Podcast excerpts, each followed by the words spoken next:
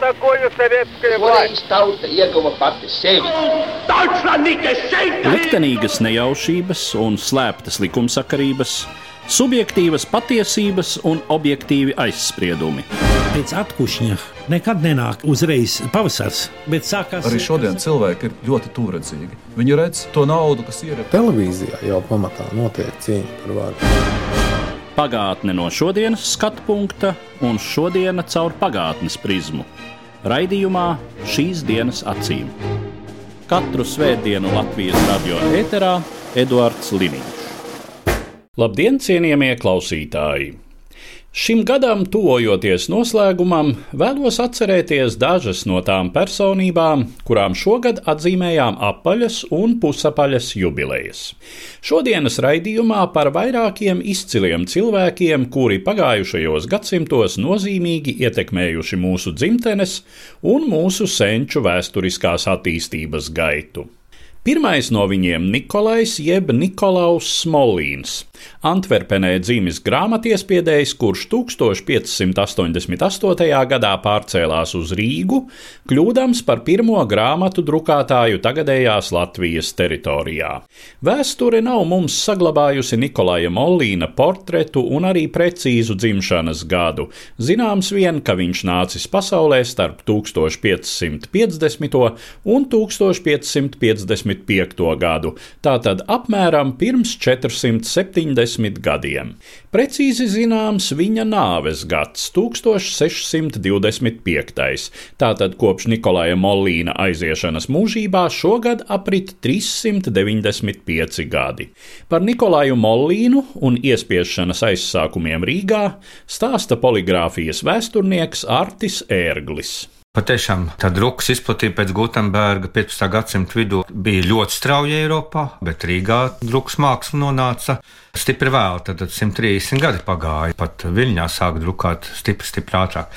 Mēs varam gan, protams, būt lepni, jo Amerikā pirmā grāmata ir nodrukāta vēl 50 gadus vēlāk.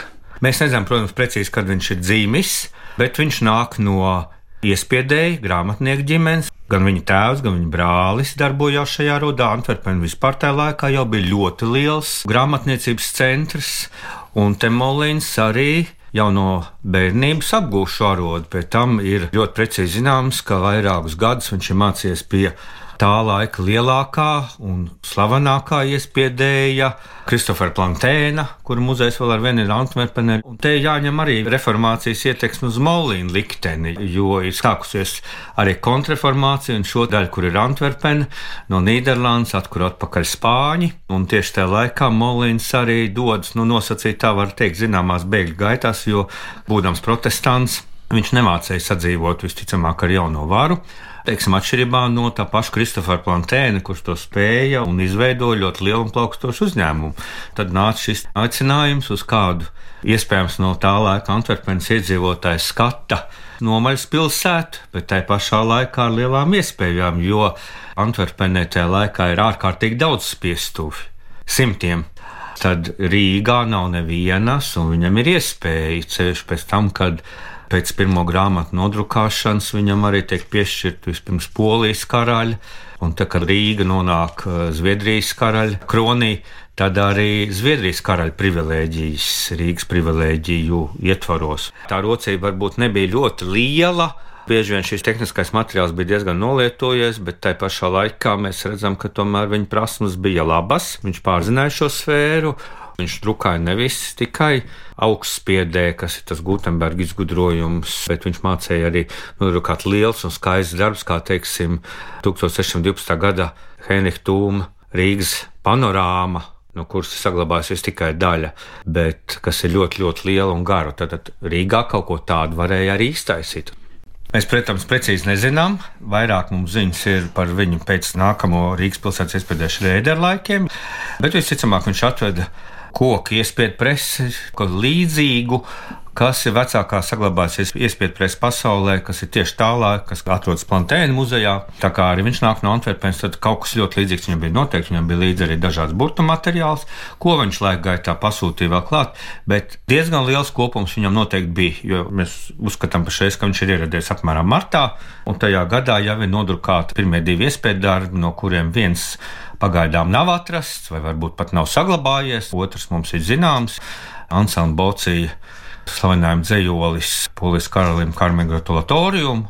Tas, ka varēja šeit jau uz vietas sākt drukāt un iespējas dažādas darbus, un patiešām tur ir tādi, kas ir jāizpilda visādi rāts rīkojumi tam līdzīgi, kas viņam bija jādara par brīvu, bet paralēli tomēr es domāju, ka viņam ir arī daudz labi darbi iespiesti. Ja mēs kaut vai paņemam vairākus Rīgas humanistu, Daniela Harmaņa dzējojums, Pirmais dabaszinātniskais traktāts latviešu valodā par vārdu un ķirzaku Prūsijas dzintarā ieslēgto, vai pirmais medicīnisks rakstur darbs 1596. gada par monstra dzimšanu, par vienām nedabīgām dzemdībām, tepat, kas ir notikuši Latvijā, aizskauklē, tad šādā veidā ir saglabājies arī caur šiem molīnu iespējdarbiem tieši vietējā vēsture. Savs skatījums uz Nikolaja Mollīna darbību un drukātās literatūras aizsākumiem Baltijā ir vēstures zinātņu doktoram Kasparam Kļaviņam. Rīgā grāmatniecība pastāvēja pietiekošā līmenī. Kaut vai sākot jau 14. gadsimtā Rīgas arhibīskapa biblioteka, kurš uzturējās Aviņonā. Tur ir daudz izcils grāmatas, par to raksta franču grāmatzinātāji un bukinisti. Rīgā netrūka izcilas humanistu, medicīnas un dabas zinātņu un filozofijas grāmatu kolekcijas un krātuves kas nav drukātās grāmatas, bet gan ar rokrakstītās. Tāpēc šī tipogrāfija ir tikai un vienīgi tehnoloģijas ieviešana, nevis kādas garīgas kultūras ieviešana. Es pat gribētu teikt, ka šis laiks drīzāk ir garīgas kultūras noriets Rīgā ar šo tehnoloģiju sākumu, nevis garīgs kultūras uzplaukums. Tāpēc, ka arī tīri no humanisma attīstības viedokļa atcerēsimies to, ka pat Vācijā bīskapi un katoļu klosteru bibliotekas bija izcilākās humanistu grāmatu biblioteka krātuves, kuras reformācijas laikā tika grauts un postīts, tāpat kā Rīgā notika svētbilžu grautiņa. Min Molīna pētnieks Zanders, ka Rīgas tipogrāfija jau nav šausmīgi vēlu. Oksfordā un Kembridžā arī tipogrāfijas ir 1580. gados, un Tallinā un Tartu viņas ir pēc Rīgas. Tā kā tas laiks gadu ātrāk vai vēlāk nav ne lepnuma, ne, ne kauna nozīme, kā tehnoloģijas ieviešās, un tas ir tikai tīri tāds tehnisks jautājums. Un e, treškārt, Molīns jau drukāja arī darbus, kas pretstatā nopietniem humanistu vai grieķu filozofijas un e, medicīnas interpretācijām. Viņš jau, piemēram, drukā Hermaņa Samsona briesmīgos komētu ziņojumus, e, raganu, medību, e, tādus darbus un tā tālāk, kur uzdevums vairāk ir cilvēks baidīt ņemot vērā, ka dieva esamība ir jāapliecina ar nemitīgu brīnumu redzēšanu, un tā skaitā apakālips, kuras dominējošs elements ir baiļu vairošana. Un es nedomāju, ka tas ir izglītības vai kādas garīgas gaismas vairojošs moments. Un nu pārcelsimies apmēram par pusgadsimtu uz priekšu vēsturē pie mūsu nākamā jubilāra. Kurzemes un zemgales hercogs Jēkabs Ketlers nāca pasaulē Kuldīgā, toreiz Goldingenā, 1610. gada 28. oktobrī. Tātad kopš viņa dzimšanas šogad apritēja 410 gadi. Viņš ir viena no spilgtākajām personībām pagājušo gadsimtu Latvijas vēsturē, ar kura vārdu saistīts priekšstats par kurzemes zelta laikmetu, īsu, bet spilgtu saimnieciskās aktivitātes periodu 17. gadsimta vidū. Par hercogu Jēkabu un viņa laikmetu stāsta Kuldīgas muzeja pētnieciskā darba speciāliste Daina Antoniška. Hercogs Jākaps jau savā agrīnā jaunībā izglītojās ārzemēs. Uzturējās gan Brandenburgas kurfirsta galmā, gan Holandē.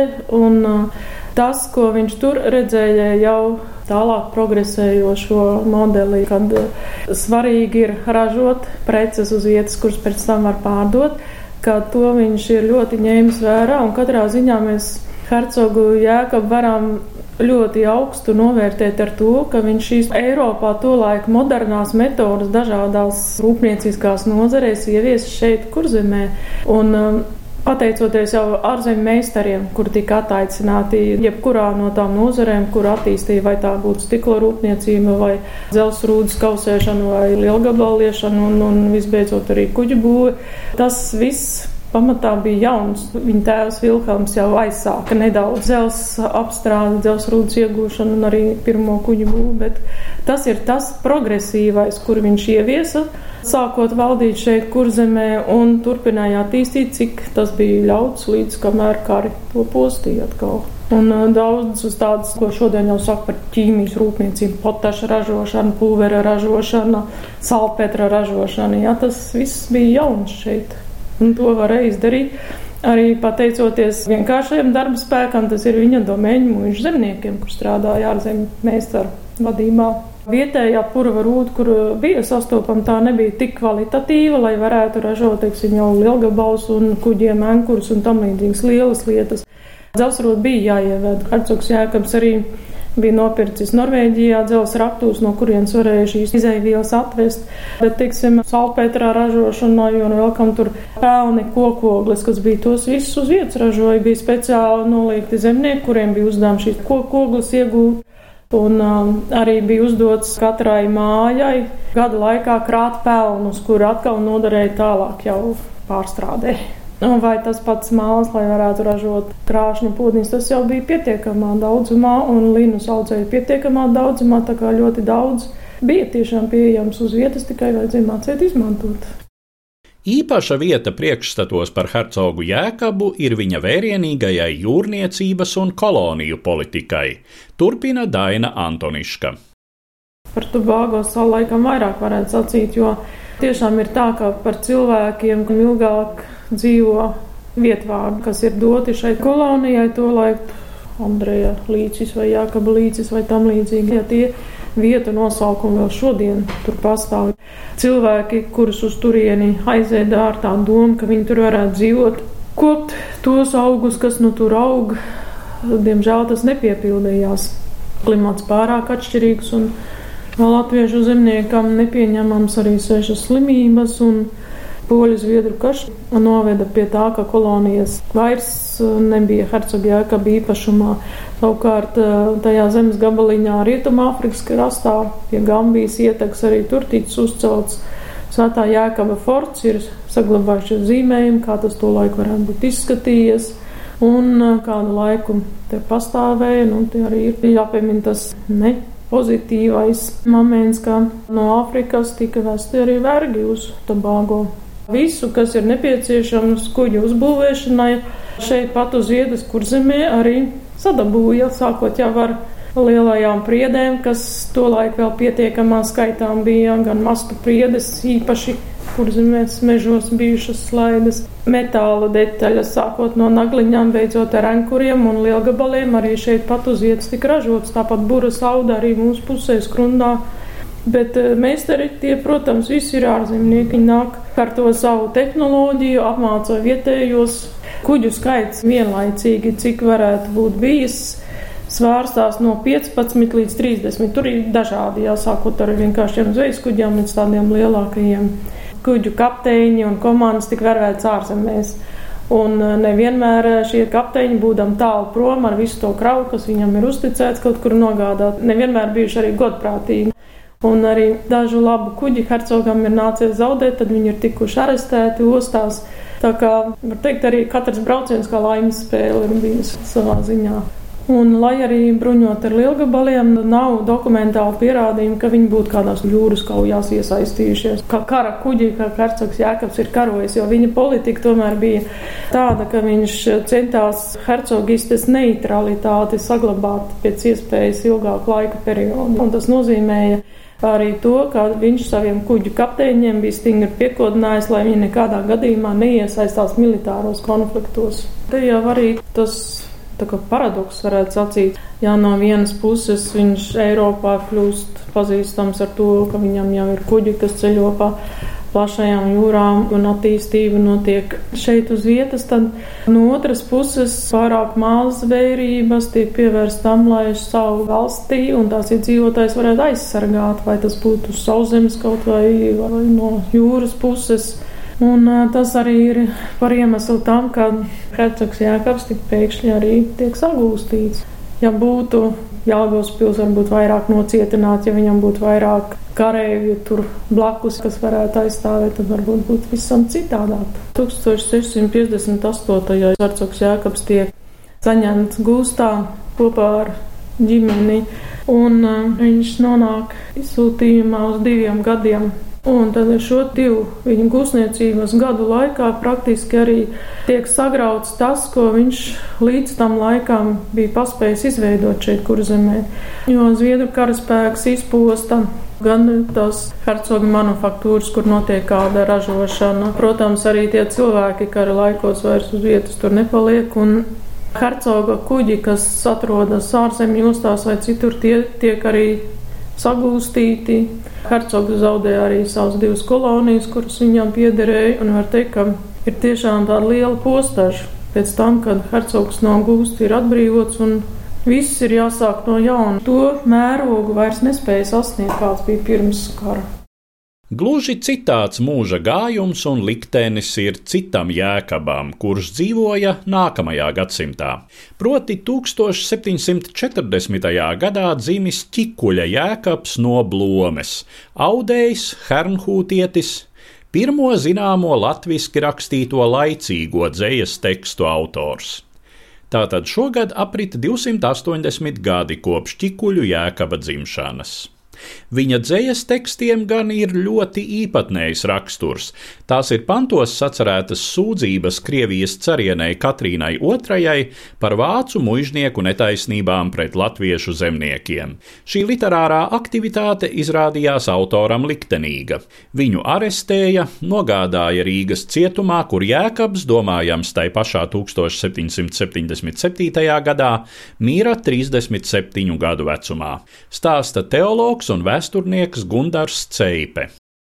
Ķikuļu jēkabs raksturojot to laiku un latviešu zemnieku, viņš jau ir otrā hernhūtiešu paudze vai atmodas cilvēku paudze. Viņš ir piedzimis ap to laiku, kad tieši 1739. gadā Valmierā sākās šī milzīgā atmoda, kas ir ārkārtīgi daudz gaismas nesusi, spēka svētības Latvijas zemē un tautai.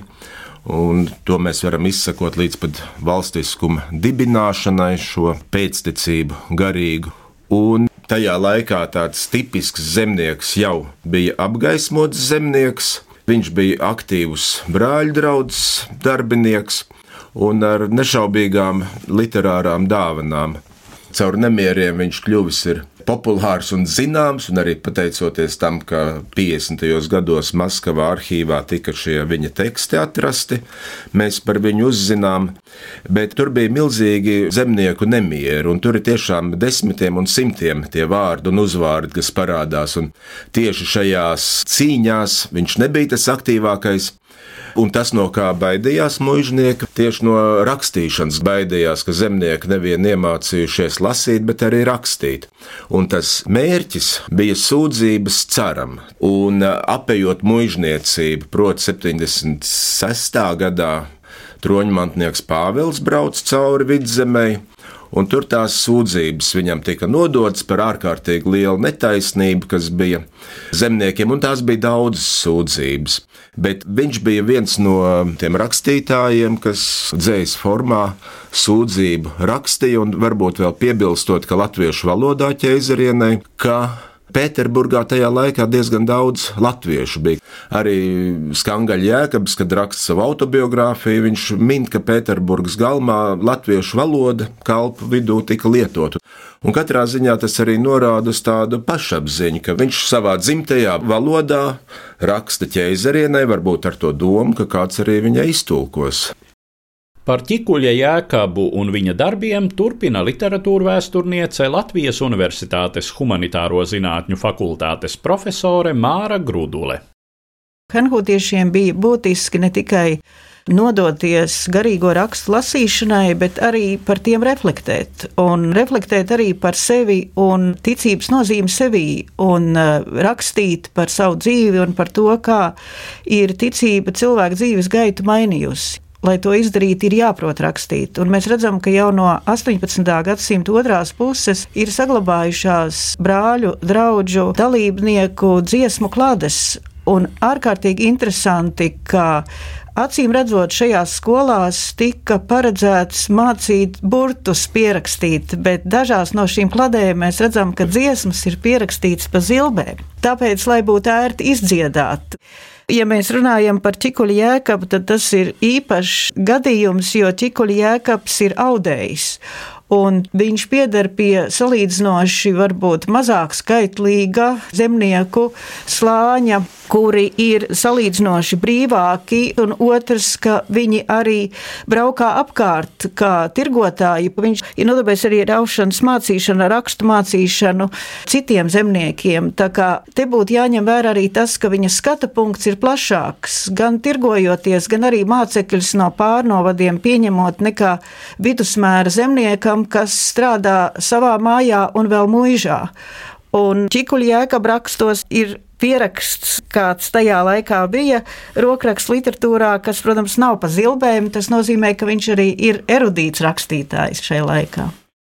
Izglītošanās, garīgu meklējumu centieni, kuru pirmsākumi saskatāmi jau 18. gadsimta brāļu draugu jeb hernhūtiešu kustībā, Jaunā pakāpē attīstījās nākamā 19. gadsimta vidū līdz ar pirmās akadēmiski izglītoto latviešu paaudzes parādīšanos. Viņus mēs pazīstam kā jaunlatviešus, un arī diviem no viņiem šogad atzīmējām pusapaļas jubilejas. Proti jaunatviešu kustības pamatlicējs Krišjānis Valdemārs nācis pasaulē 1825. gada 2. decembrī, savukārt viņa desmit gadus jaunākais laika biedrs, Dainu tēvs Krišjānis Barons, 1835. gada 31. oktobrī par Krišjāni Valdemāru, Krišjāni Baronu un jaunatviešu kustību vēsturniece Latvijas Universitātes sociālo zinātņu fakultātes profesore Vita Zelče.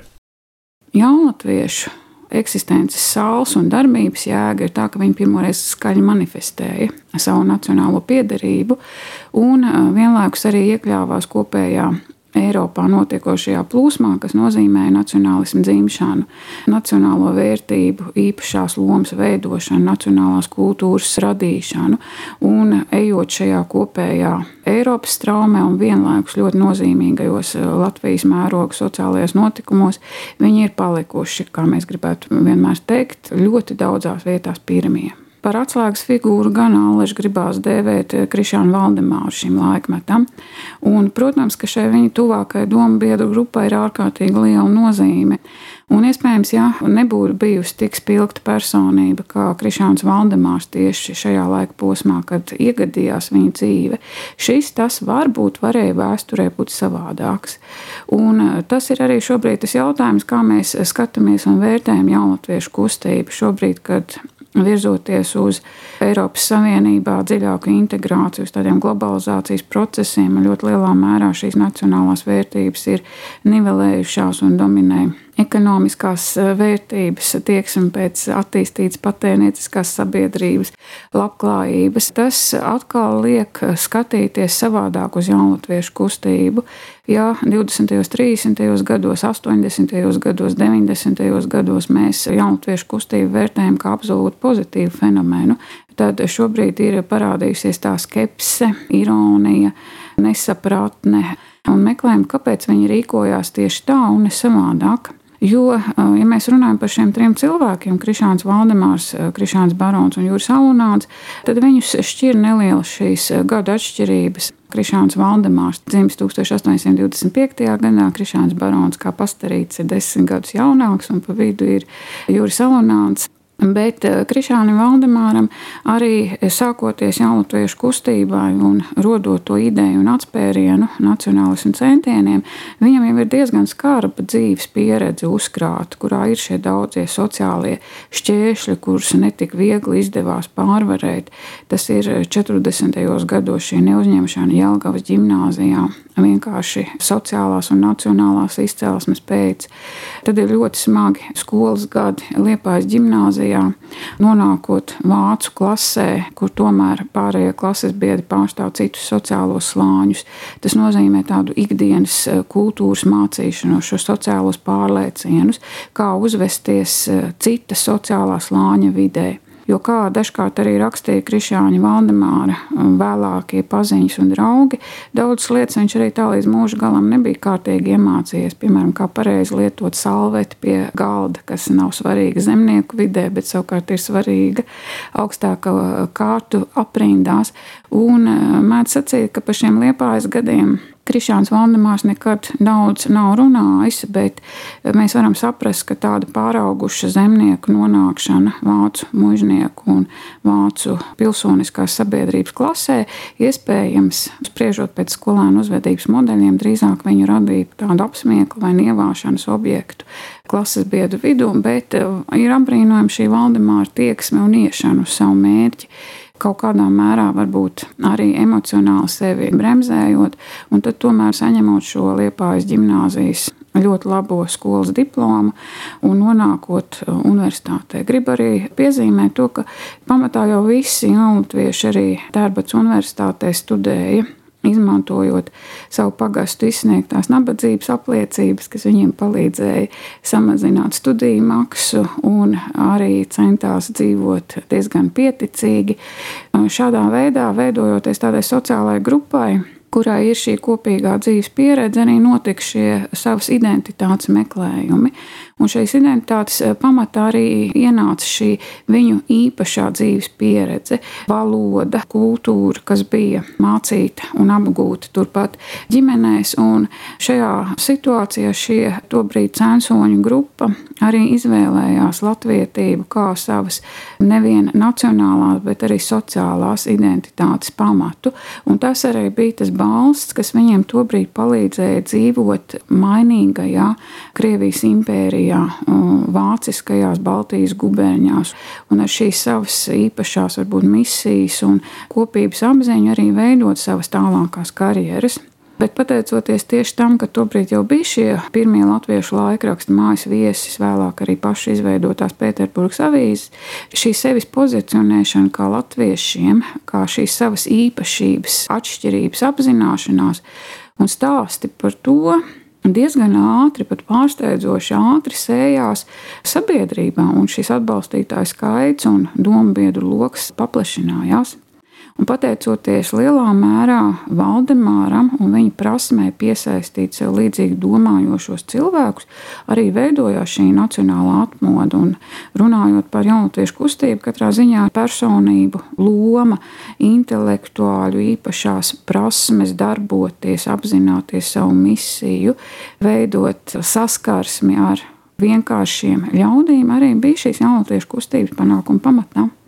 Krišāns Barons ir viens no jaunatiešu kustības simboliem, un Krišāna Barona tēls varbūt ir visvairāk atpazīstamais no visiem jaunatviešiem.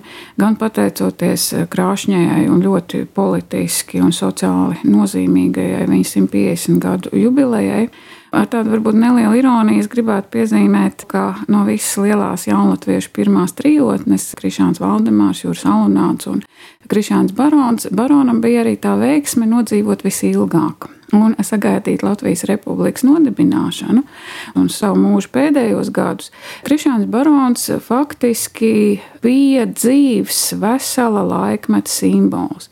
Un viņš gan piedalījās Latvijas universitātes dibināšanā, gan Latvijas preses simts gadu krāšņajā jubilejā 1922. gadā un ar savu ļoti interesantu, simpātisko ārējo veidolu šis sīkais, bet staltais stāvs, sirmie mati, krāšņā bārda, un šādā veidā viņš arī parādījās tā laika preses fotografijās, pirmajās kinohronikās, un veselai paudzē cilvēku ar savu simbolisko klātbūtni vēstīja un stāstīja par jaunatviešu laikmetu, tā nozīmi un tā svaru. Jo pārējie jaunatvieši aizsaulē aizgāja ātrāk, un viņi vairāk palika kā tādas aizgājuša laikmeta vērtības. Bet tieši Krišāns Barons bija pirmā sasaiste starp pirmo jaunatviešu laikmetu un Latvijas valsts izveidošanu. Līdz ar to izskan mūsu raidījums, kas bija veltīts vairākām pagātnes personībām, kopš kuru dzimšanas šajā gadā atzīmējām apaļas un pusapaļas gadsimtas. Raidījumā dzirdējāt Kuldīgas muzeja pētnieciskā darba speciālisti Dainu Antonišku, vēsturnieku un teologu Gundaru Ceipi, poligrāfijas vēsturnieku Arti Ērgli, literatūras zinātnieci profesori Māru Gruduli, vēstures zinātņu doktoru Kasparu Kļaviņu, vēsturnieci profesori Vitu Zelči. Vairākiem citiem aizejošā gada iezīmīgiem jubilāriem pievērsīsimies raidījumā nākamā svētdien, 20. decembrī. Uz redzēšanos, cienījamie klausītāji! Katru svētdienu Latvijas radio viens par pagātni sarunājas Eduards Liniņš.